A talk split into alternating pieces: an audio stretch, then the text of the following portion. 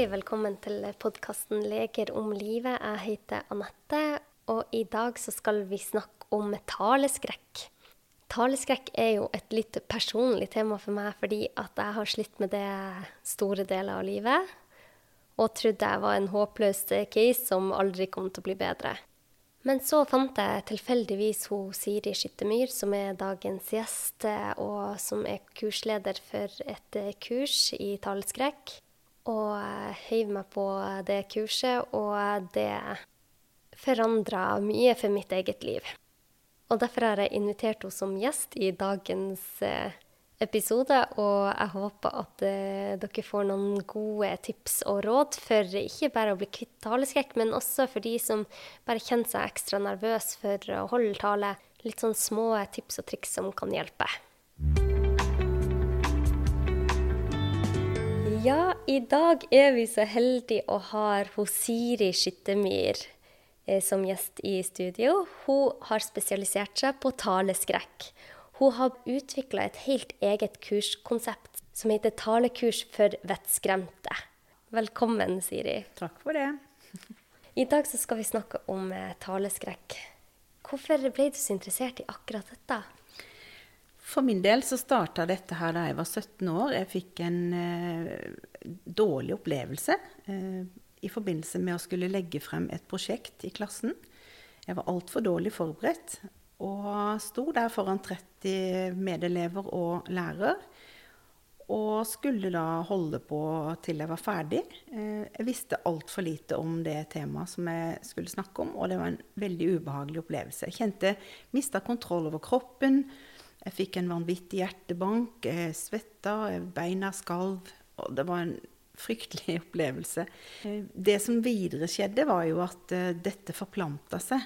Og det ble vanskelig å lese høyt i klassen.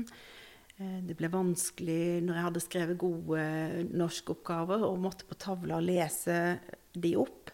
Uh, så fant jeg jo ut at jeg måtte jo finne noen smutthull. Jeg måtte skrive dårligere oppgaver, velge de oppgavene jeg ikke fikk god karakter på, for rett og slett å unngå å komme i det dilemmaet.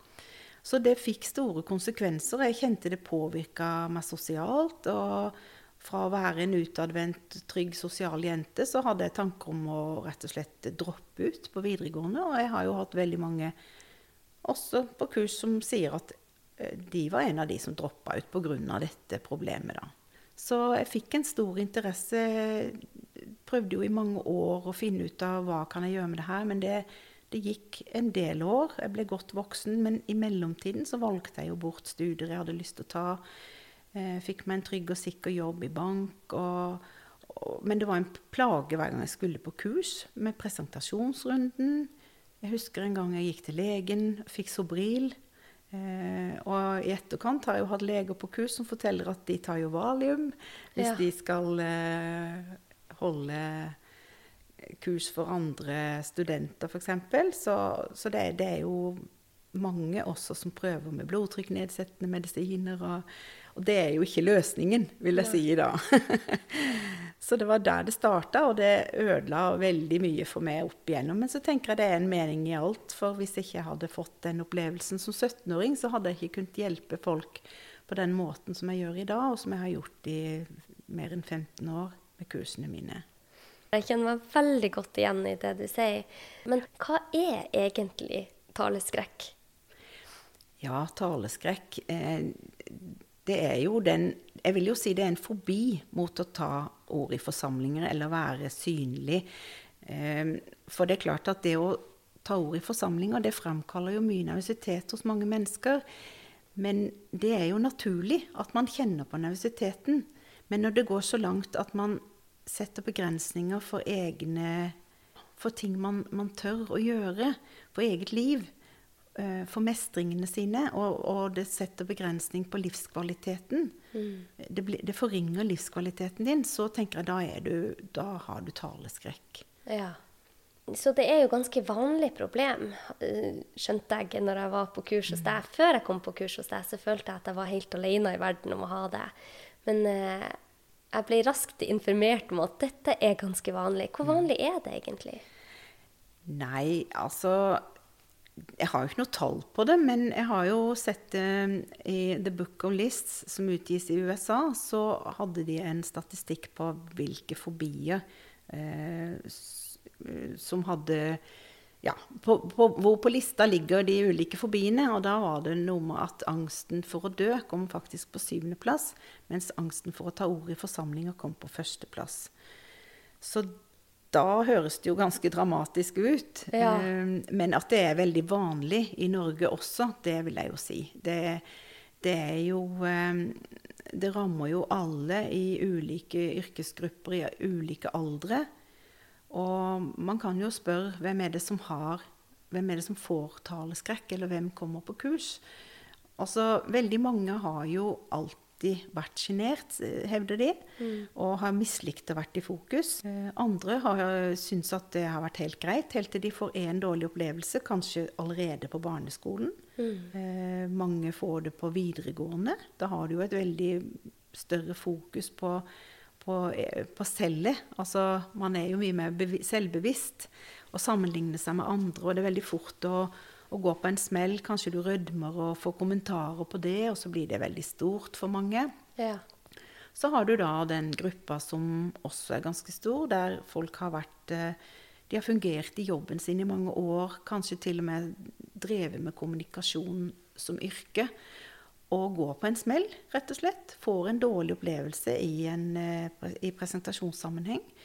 Og det gjør at du ja, unngår å, å, ta de oppgavene. Kanskje du delegerer, og, og det blir veldig stort. Mm. Så det, det, er jo hemmende for mange. Og noen hevder jo at de har lyst til å rett og slett bytte jobb. For det at ja, finne en jobb der de slipper å presentere. Og mange mm. unngår jo å ta jobber. De blir bedt om å søke på jobber, og så tenker de at en del av jobben der er å holde presentasjoner og møter, og det takler jeg ikke. Og det er jo veldig synd, tenker jeg. For det, eh, det er en kneik man skal over. Og så tenker jeg at det er ingen håpløse tilfeller.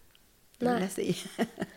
ok, Så det er ingen uh, håpløse Nei, tilfeller? Nei, jeg, jeg, vil hevde at det er ingen håpløse tilfeller. Men det er ja. klart at noen bruker lengre tid enn andre på å knekke koden. Ja. Men uh, jeg vil si 90-95 av de som kommer til meg, uh, ser at det er lys i tunnelen når de går ut fra, på kursdag to ja. så har de håp og tro og optimisme. Og, og, da er jo noe av kunsten er jo rett og slett å bli eksponert og så komme i, i, i situasjonen. Eh, sånn at du, du, må ta til deg lærdommen, og så må du få praktisert litt. Ja. I hvert fall så må du trene på de teknikkene du lærer. For det er jo disse handlingsmønstrene, automatiske handlingsmønstrene som må endres.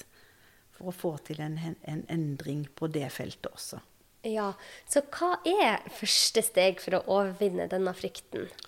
Jeg tenker at eh, man må ta tak i de, eh, i de mønstrene der. For dette blir jo et innlært mønster. Den angsten for å få fokus på egen person.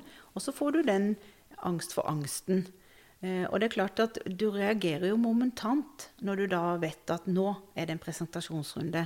Så skjer det et eller annet hos veldig mange. Ja man aktiveres eh, på det ja, sympatiske nervesystemet. Du får den fight or flight-responsen. Mm. Og det er klart at eh, da er det greit å ha lært disse teknikkene med det med, med eh, tilstedeværelse. Eh, ved hjelp av det å sitte godt på stolen og det å ha en god pust, som ikke bare går i øvre del av brystregionen, men at man puster godt og ja, kjenner at du er til stede i kroppen din, rett og slett. Og fokuserer ja. på ro. Så eh, det er første steg. Og så er det jo å kanskje finne eh, et forum der du kan klare å bli eksponert for, eh, i trygge rammer. Ja. Og, og, det å kjenne på at du, du, takler det selv om du blir nervøs, så takler du å stå der. Og du, du, eh, du lærer kanskje hvordan du skal eh, få det mer komfortabelt.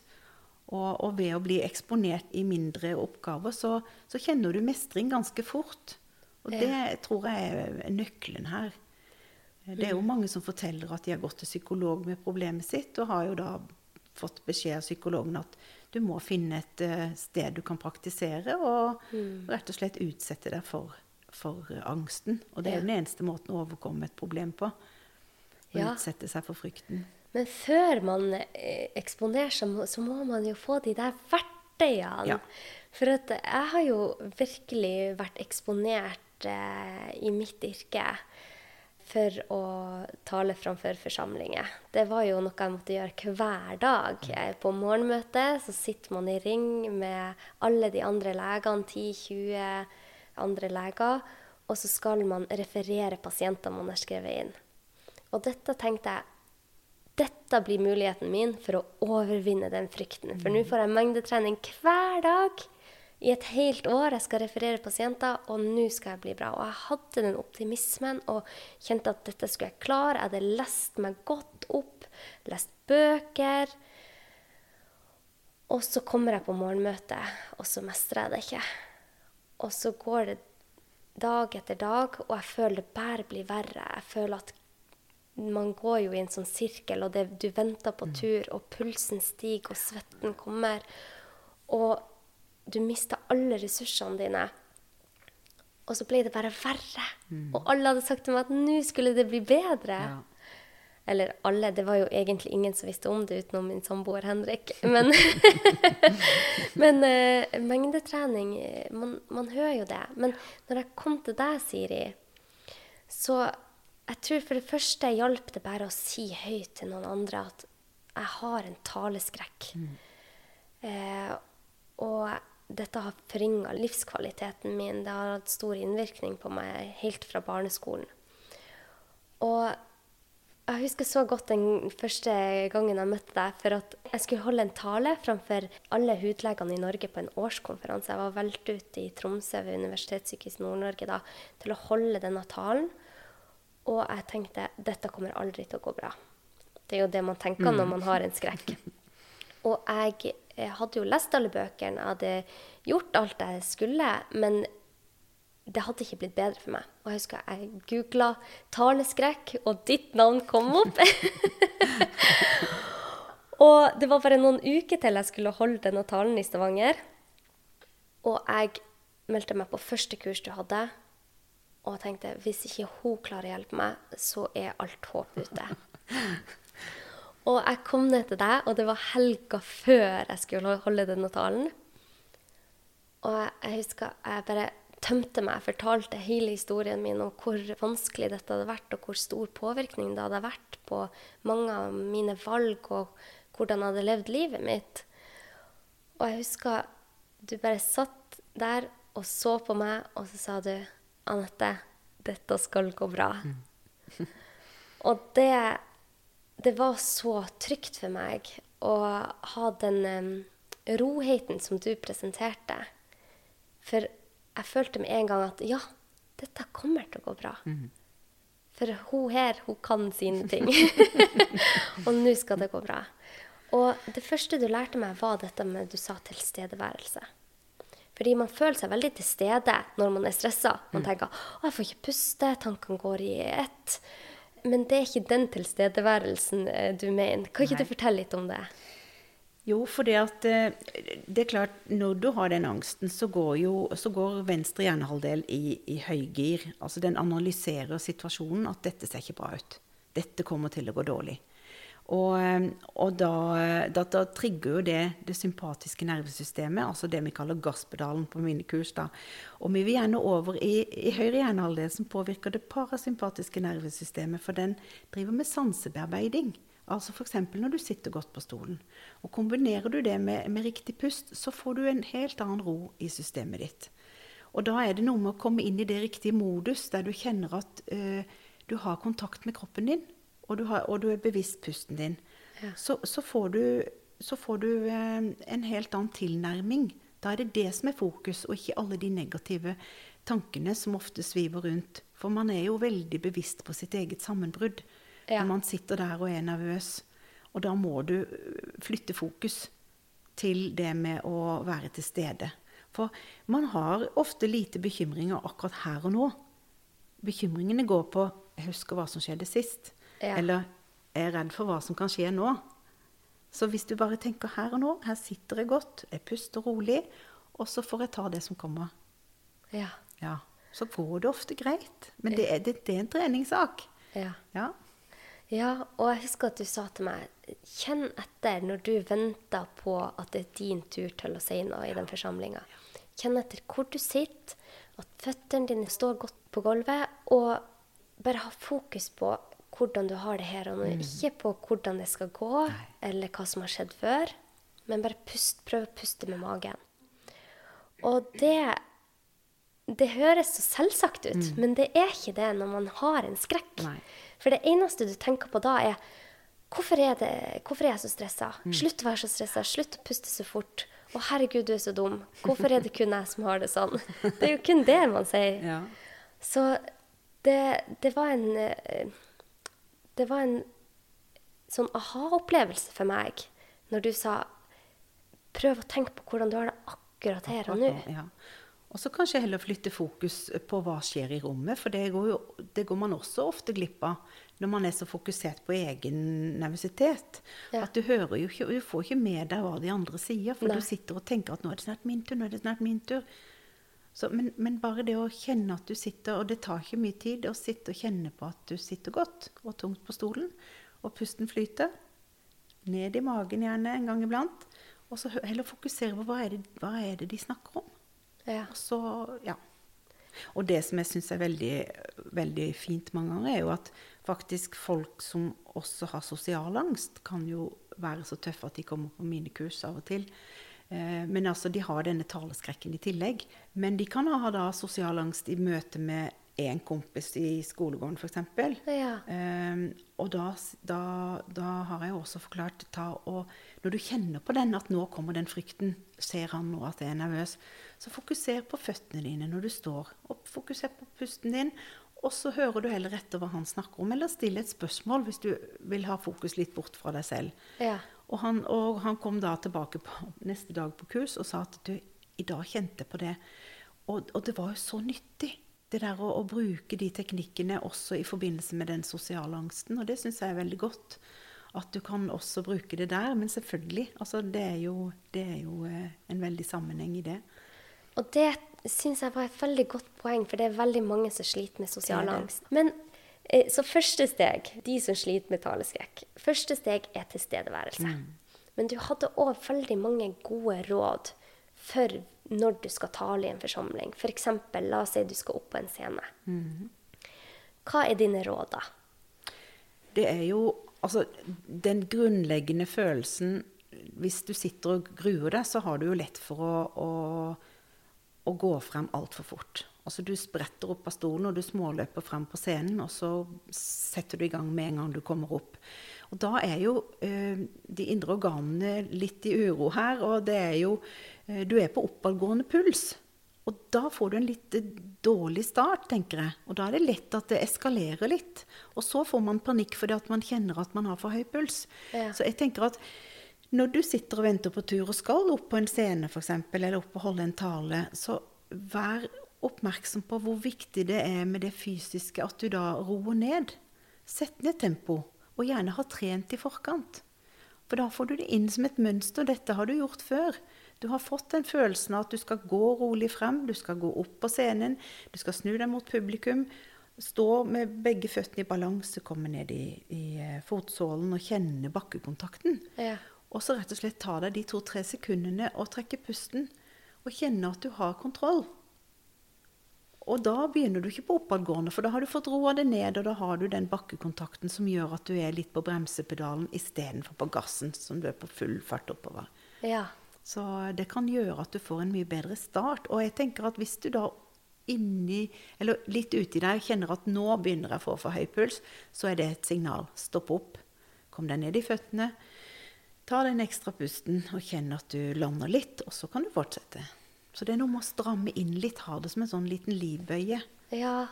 Og jeg skulle så ønske at man kunne ha dette som en, bare en times undervisning på barneskolen. Ja.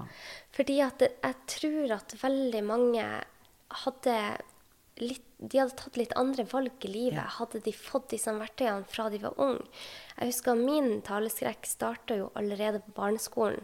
Jeg hadde en del eh, dårlige opplevelser allerede da, som gjorde at eh, jeg ikke følte mestring. Og følte meg alene, dum. Du har veldig mange negative tanker rundt eh, din egen person. Og det fulgte meg jo hele ungdomsskolen. Hver gang jeg skulle holde tale, så prøvde jeg å unngå det for alt det var verdt. Og hvis jeg måtte ha de talene, så gikk det som regel Jeg følte i hvert fall at det gikk veldig dårlig. Jeg sprang opp, spurta opp, hadde kjempehøy puls. Eh, sa det jeg skulle si i, på inn- og utpust. Tok ikke pauser og ville bare bli fortest mulig ferdig. Og satte meg ned og hadde masse negative følelser eh, rundt eh, hva jeg får til og ikke får til. Jeg kunne sitte der og tenke herregud, hvorfor får jeg ikke det til? Hvorfor får alle de andre det til? Og det er noe galt med meg. Ja, og det, det er veldig vonde følelser som kommer. Og det ble jo ikke bedre på videregående. Og du har jo sagt til meg at mange velger yrker etter sin taleskrekk, så de velger yrker som, som gjør at de kan slippe å holde taler. For min del, heldigvis, så hadde jeg jo bestemt meg allerede på barneskolen at jeg skulle bli lege.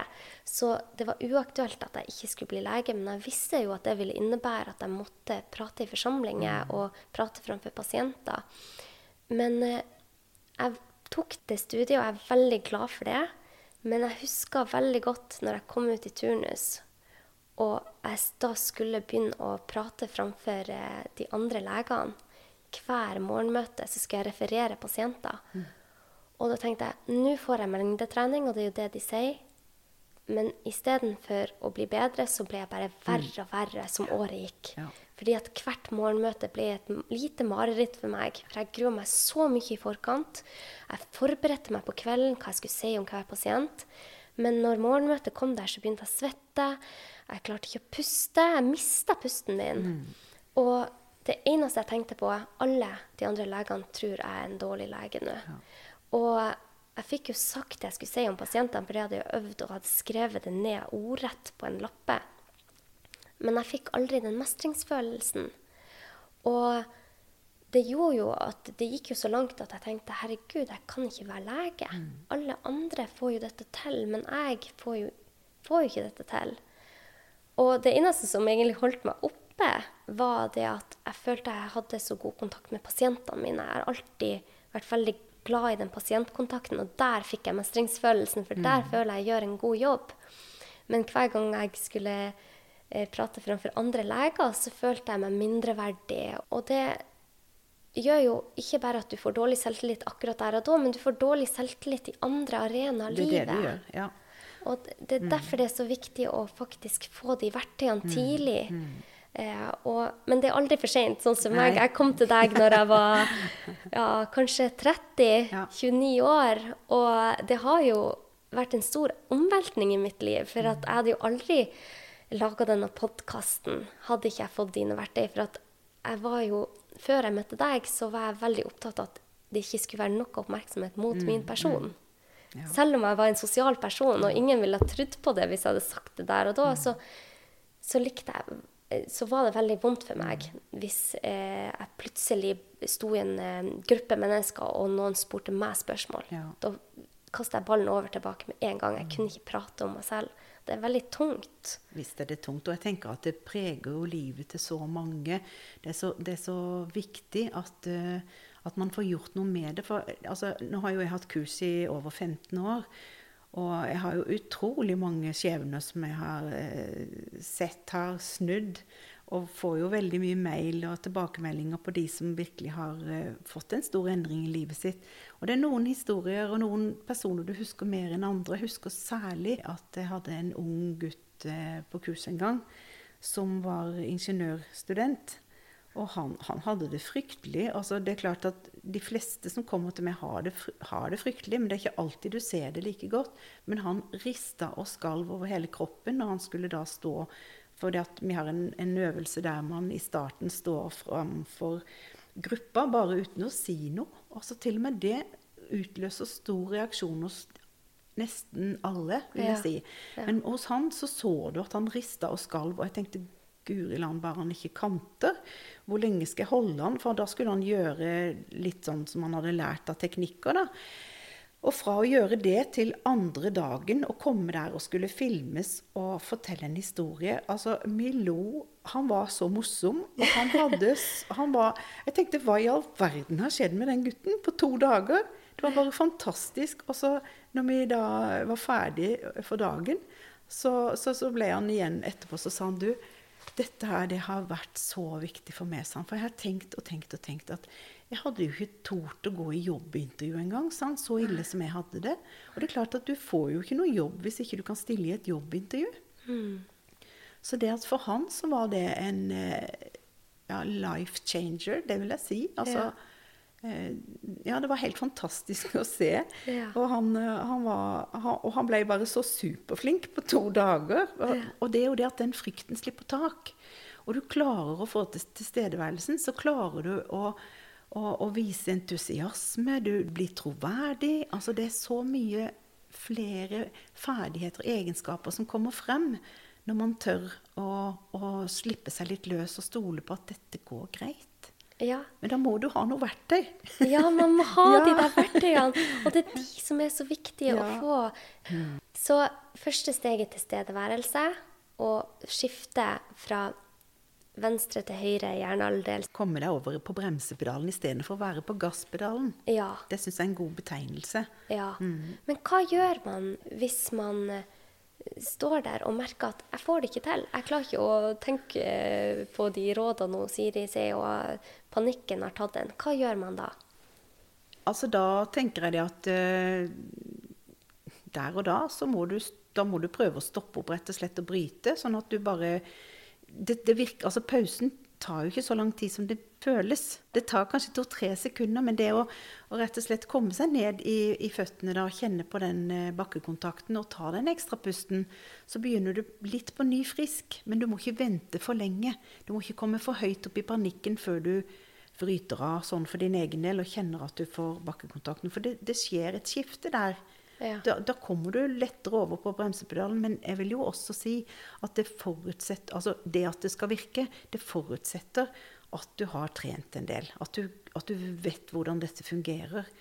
At du kjenner at du klarer å skifte fokus. For det er klart at eh, jo mer du har trent, jo lettere kommer du over i det riktige moduset når det virkelig gjelder. Ja. Og det er jo som alle de innlærte mønstrene. For hvis ikke du har klart å overdøve det mønsteret du hadde fra før, det med angsten for angsten og ja. altså for, for, mye fokus på de andre, så er det jo ikke så lett å komme over på det nye mønsteret ditt hvis ikke du har trent så mye på det. Og det er jo som man kan sammenligne med å lære å kjøre bil eller å lære å sykle. Første gang man setter seg på en sykkel når man er liten, så tenker mange at vet, altså I hvert fall husker jeg fra min tid at jeg tenkte jeg kommer aldri til å lære å holde balansen. Det var så vanskelig, og plutselig har du knekt koden. Ja. Og da sykler og sykler og sykler du, og så er det et innlært handlingsmønster. Og da glemmer du ikke det. Selv om du lar være noen år å sykle, så husker du hvordan det var å sykle. Ja, og det samme med bil. Det, det, altså, du har så mange ting som du skal passe på når du setter deg inn i en bil, særlig med manuelt gir, at du tenker 'hvordan i all verden skal jeg få til det her'? Og så har du x antall kjøretimer og, og får eh, omsider sertifikat. Og da kjører og kjører og kjører du, og plutselig så er det også et automatisk handlingsmønster. Og da tenker jeg man kan trekke den linja til taleskrekk. At du må øve på disse teknikkene for å erstatte dette fryktmønsteret med en, en følelse av mestring fordi at du har fått et nytt handlings- og tankemønster. Men det må automatiseres. Det må ligge som en refleks i ryggraden din. Og det krever jo x antall repetisjoner. Kanskje legge inn da tre til fem ganger om dagen at man skal være til stede. Tenke, være bevisst på pusten. Kjenne at du lander lite grann. Det, det, er så nyttig verktøy i mange forskjellige av, av dagliglivets virke også. Ja, for det ble jeg så overraska over når jeg var hos deg, at du sa ja, du skal bare øve på å være til stede gjennom ja. dagen. Ja. For det vil hjelpe deg ja. når du står der. Mm. Og jeg tenkte at vi skulle bare øve på akkurat taledelen. Nei. Men det, det, å ha vært til stede gjennom dagen gjør at du, du har et modus som du lett kan komme tilbake til. Kjempeviktig. Ja. Og du klarer ikke det moduset hvis ikke du har trent. Nei. Men det er jo det som er den viktigste treningen. For mange sier at ja, men jeg vet ikke at jeg skal holde noe tale. Jeg vet ikke om noe jeg skal gjøre i nærmeste fremtid. Men jeg sier det viktigste treningen kan du gjøre hver dag. Ja. med å legge inn disse her eh, små lommene med tilstedeværelse. Og det tar ikke noe ekstra tid. Du kan gjøre, Men legg vekk mobilen, og så sitt på bussen, sitt på, vær til stede.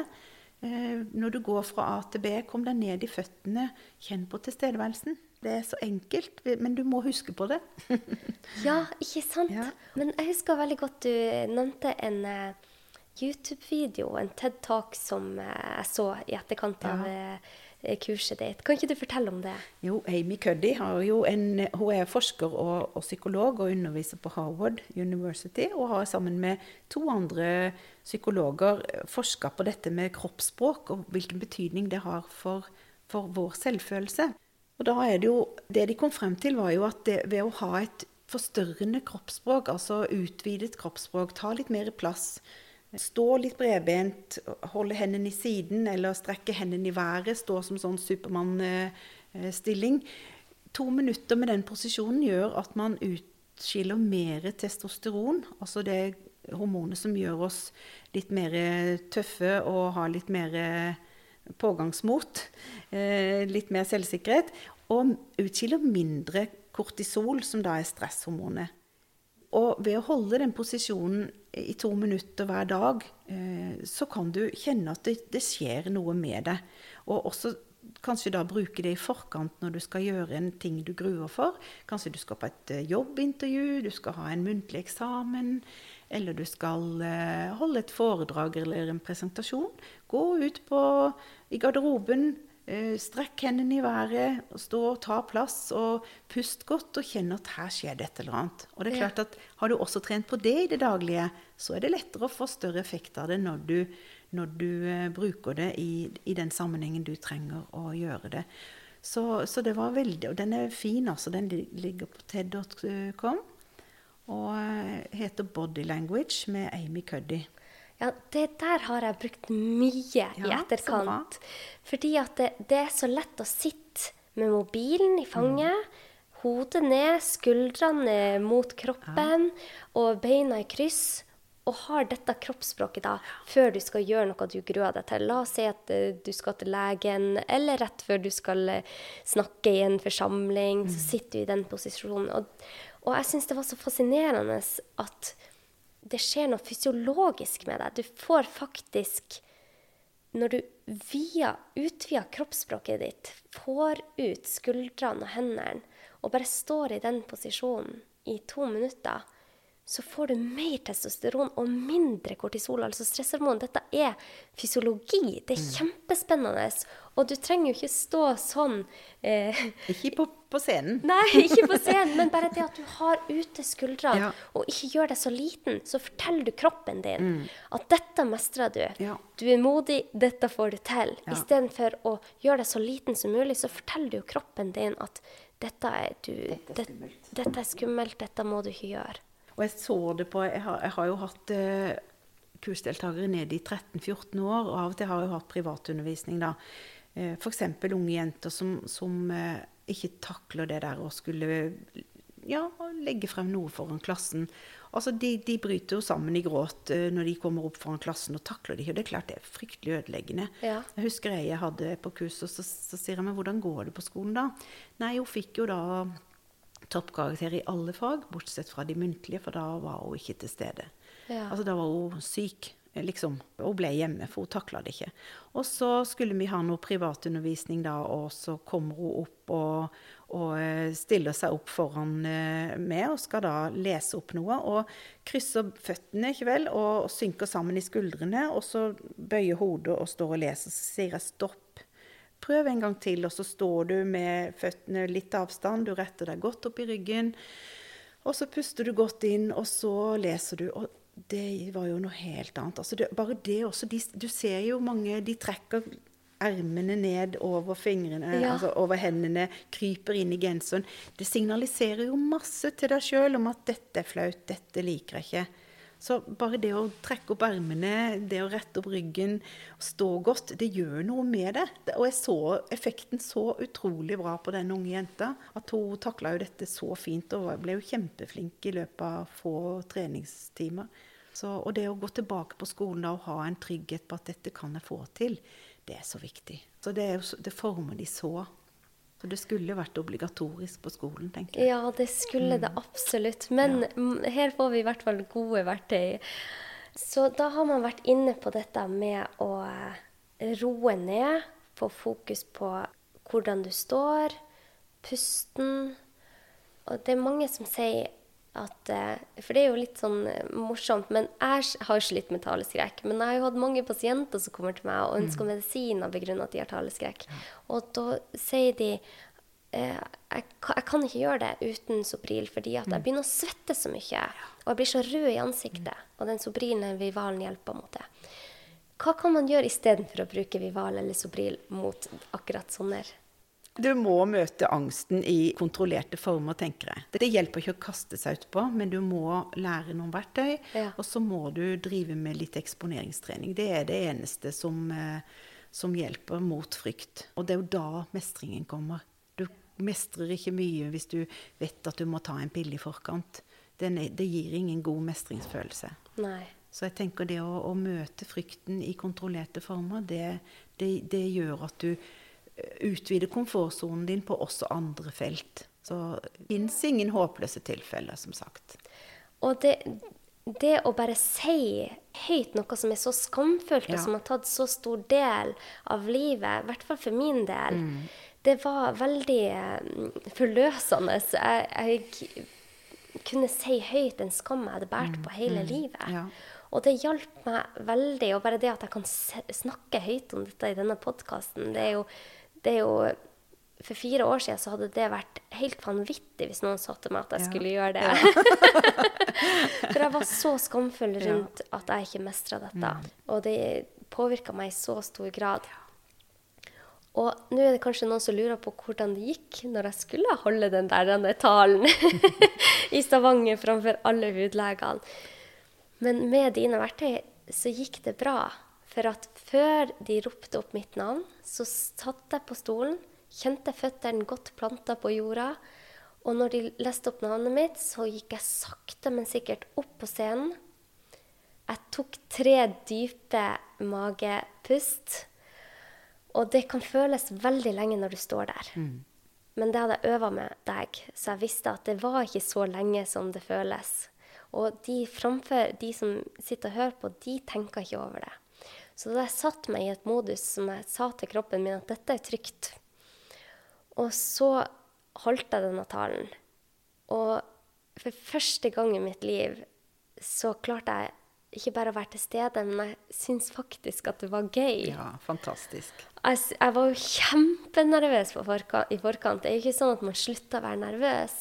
Men det er sånn som du sier, at det er jo helt naturlig at man mm. er litt nervøs, og det gjør at du kommer i en modus som mm. gjør at du presterer bra. Ja. Så jeg husker så godt at jeg, etter den, eh, det foredraget jeg hadde framfor dem, så tenkte jeg Herre min, dette fikk jeg faktisk til. Jeg fikk faktisk til å være meg selv. De flirte. Mm. Eh, jeg fikk den der mestringsfølelsen som jeg aldri før hadde hatt framfor en forsamling. Og det den dagen var en, det var en turning point i mitt liv. Fordi at jeg klarte endelig å ja, Jeg slutta å være så liten som jeg kunne. Ja. Og heller var meg selv og fikk formidla det jeg hadde lyst til å formidle. For jeg har alltid vært veldig glad i å formidle kunnskap om kropp og helse spesielt. Og på slutten av det kurset, som var over tre dager, så skulle de gi pris for beste foredrag det året. Og når de ropte opp mitt navn, Anette Dragland, så kunne jeg nesten ikke tro at det var sant. Fordi at eh, for bare noen uker før det så hadde jeg jo tenkt at jeg måtte sykemelde meg, for jeg mm. var så nervøs for å holde den talen. og så fant jeg beste foredrag. Fantastisk. Og den prisen har jeg fremdeles stående i skapet. og den er som en sånn påminning. Ikke at jeg holdt et så godt foredrag, men at jeg fikk det til. At jeg klarte å mestre en skrekk som hadde vært så, tatt så stor del av livet mitt over så mange år. Mm. Så den har jeg med stolthet. Og jeg husker jeg sendte deg melding og sa Siri, jeg klarte å holde talen. Jeg vant for beste foredrag. Jeg, Jeg tror nesten ikke jeg har vært så stolt i hele mitt liv. Nei, jeg var jo stolt. Jeg syns det var kjempegøy. Ja. Fantastisk. ja. Og så er det jo viktig å huske på de bragdene man får til da, også ved neste korsvei. Hvis det er noe annet, noe nytt neste gang, så kommer du til å grue deg, garantert. Men jeg tenker at det er jo denne varmeangsten i, for, i forhold til den kaldangsten Ja. som ofte lammer og, og gjør deg ja, få, få deg til å få lyst til å trekke det, bakke ut, finne smutthull. Hvordan kan jeg unnslippe? Så får du den varmeangsten, og, og da kan du tenke at ja, det er skummelt, det er helt greit. og Klapp deg på skuldra og si at det er klart du er nervøs, Ja. men dette takler du. Og så får du, du blir motivert, og du blir gira, og du Ja, det, så blir det bra. ja, og det blir bra. Det er jo jeg et levende eh, eksempel på. Tusen hjertelig takk for at du ble med i podkasten i dag, eh, Siri. Det var veldig hyggelig å ha deg her. Takk for at jeg ble spurt. Hyggelig. Og da tenkte jeg at vi skulle avslutte med et sitat som du fortalte meg på kurs. Ja. Eh, Jeg må jo si litt om bakgrunnen for det, for det var jo i starten når jeg skulle starte opp mine kurs. Jeg er jo ikke utdanna psykolog, jeg har litt av vært av forskjellige andre ting. Og tenkte at det er sikkert mange andre som kan eh, dette bedre enn meg. Men jeg hadde nå troen på dette konseptet, at dette her tror jeg mange mennesker trenger. Det fins mange som sliter med taleskrekk, som gjør at de legger lokk på kunnskapene sine, på ferdighetene sine, som tar valg ut ifra hvor kan de unnslippe. Så jeg tenkte at jeg må bare ha disse kursene. Og så hadde jeg i tankene dette lille sitatet der det sto 'Bruk de ferdighetene du har'. For husk, det ville bli svært stille i skogen hvis bare de flinkeste fuglene skulle synge. Så det er viktig å tenke på. Man må ikke alltid eh, være best på alt, men alle har noe å komme med, og alle trengs, tenker jeg. Det er veldig fint sagt. Tusen takk for at du, du ble med i dag, eh, Siri. Veldig hyggelig. Og hvor kan vi finne deg? Hvis du går inn på www.talehjelperen.no, eller googler taleskrekk f.eks., så finner du eh, nettsiden min. Ja. Og da kan man melde seg på kurs. Da kan du melde deg på kurs, eller du kan ta nettkurs på Zoom, eller du kan eh, Ja, jeg har også skrevet en bok for noen år siden, da. For eh, noe som motiverte meg til å komme i gang med dette her, var jo også den boka jeg leste den gangen, med alle de historiene om folk som hadde fått endra livet sitt etter de fikk knekt denne taleskrekken. Så tenkte jeg jeg må jo også dele mine historier med alle som har fått det mye. Det er jo godt for andre å se. Når du sliter med et sånt problem, så er det hyggelig å se at andre har fått til og kommet ut av det. For det føles jo håpløst når du står midt oppi det. Men det går an å overvinne. Det går an å overvinne. Det er vi begge to et eksempel ja, på. så håper jeg at ting normaliserer seg snart i forhold til korona, og da at vi kan komme ordentlig i gang med gode kurs. Ja, det har vi veldig trua på. Det har vi tro på. Tusen takk for i dag, Siri. Ja, da håper jeg at uh, du fikk noen uh, verktøy som eh, kan hjelpe akkurat deg hvis du sliter med taleskrekk eller eh, blir nervøs når du skal holde taler. Det jeg i hvert fall tenker på hver gang jeg skal eh, prate i en forsamling eller gjøre noe som gjør meg nervøs, så tenker jeg på hvordan jeg sitter. Jeg tenker på føttene, at de er godt planta på jorda. Hvis jeg skal holde en tale eller et foredrag, så har jeg på meg flate sko, fordi det er veldig greit å kjenne at føttene sitter godt på bakken eller på gulvet. Og med høye hæler så vipper man litt eh, framover. Så det er òg et tips Siri lærte meg. Og så puster jeg tre ganger med magen når jeg står der oppe på scenen. Og før jeg går opp, så går jeg sakte, men sikkert. Og kjenner etter hvert steg opp til scenen istedenfor å tenke på 'å nei, å nei, å nei'. Det er kjempegode tips som har god effekt. Takk for at du hørte på i dag. Og hvis eh, du har noen tilbakemeldinger eller eh, spørsmål, så er det bare å ta kontakt på legeromlivet.gmail.com eller på Instagram eller Facebook. Og eh, hvis du ønsker å høre neste episode, så er det bare å trykke abonner. Ha en kjempefin dag. Ha det godt.